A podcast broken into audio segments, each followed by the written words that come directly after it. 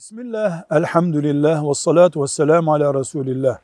Bir ağabeyimiz diyor ki, bu kadar bela geliyor, bu belalar neden insanların e, imanlarını artırmıyor, neden Allahu Teala'ya yaklaşmalarına vesile olmuyor?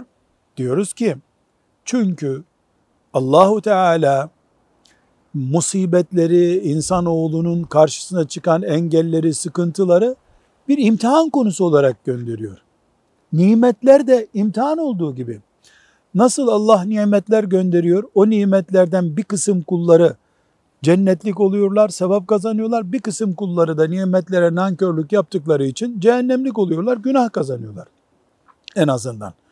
Aynı şekilde allah Teala musibetler gönderdiği zaman, mesela filan peygambere musibet gönderdi, filan salih kuluna musibet gönderdi.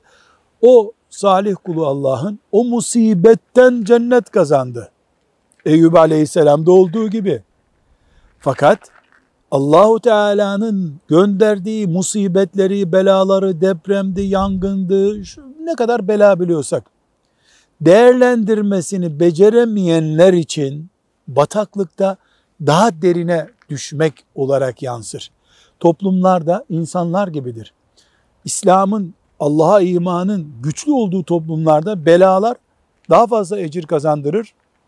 İmanın zayıfladığı sekülerist ruhlu toplumlarda ise belalar din, dinsizliği veya günahları daha derine indirir. Velhamdülillahi Rabbil Alemin.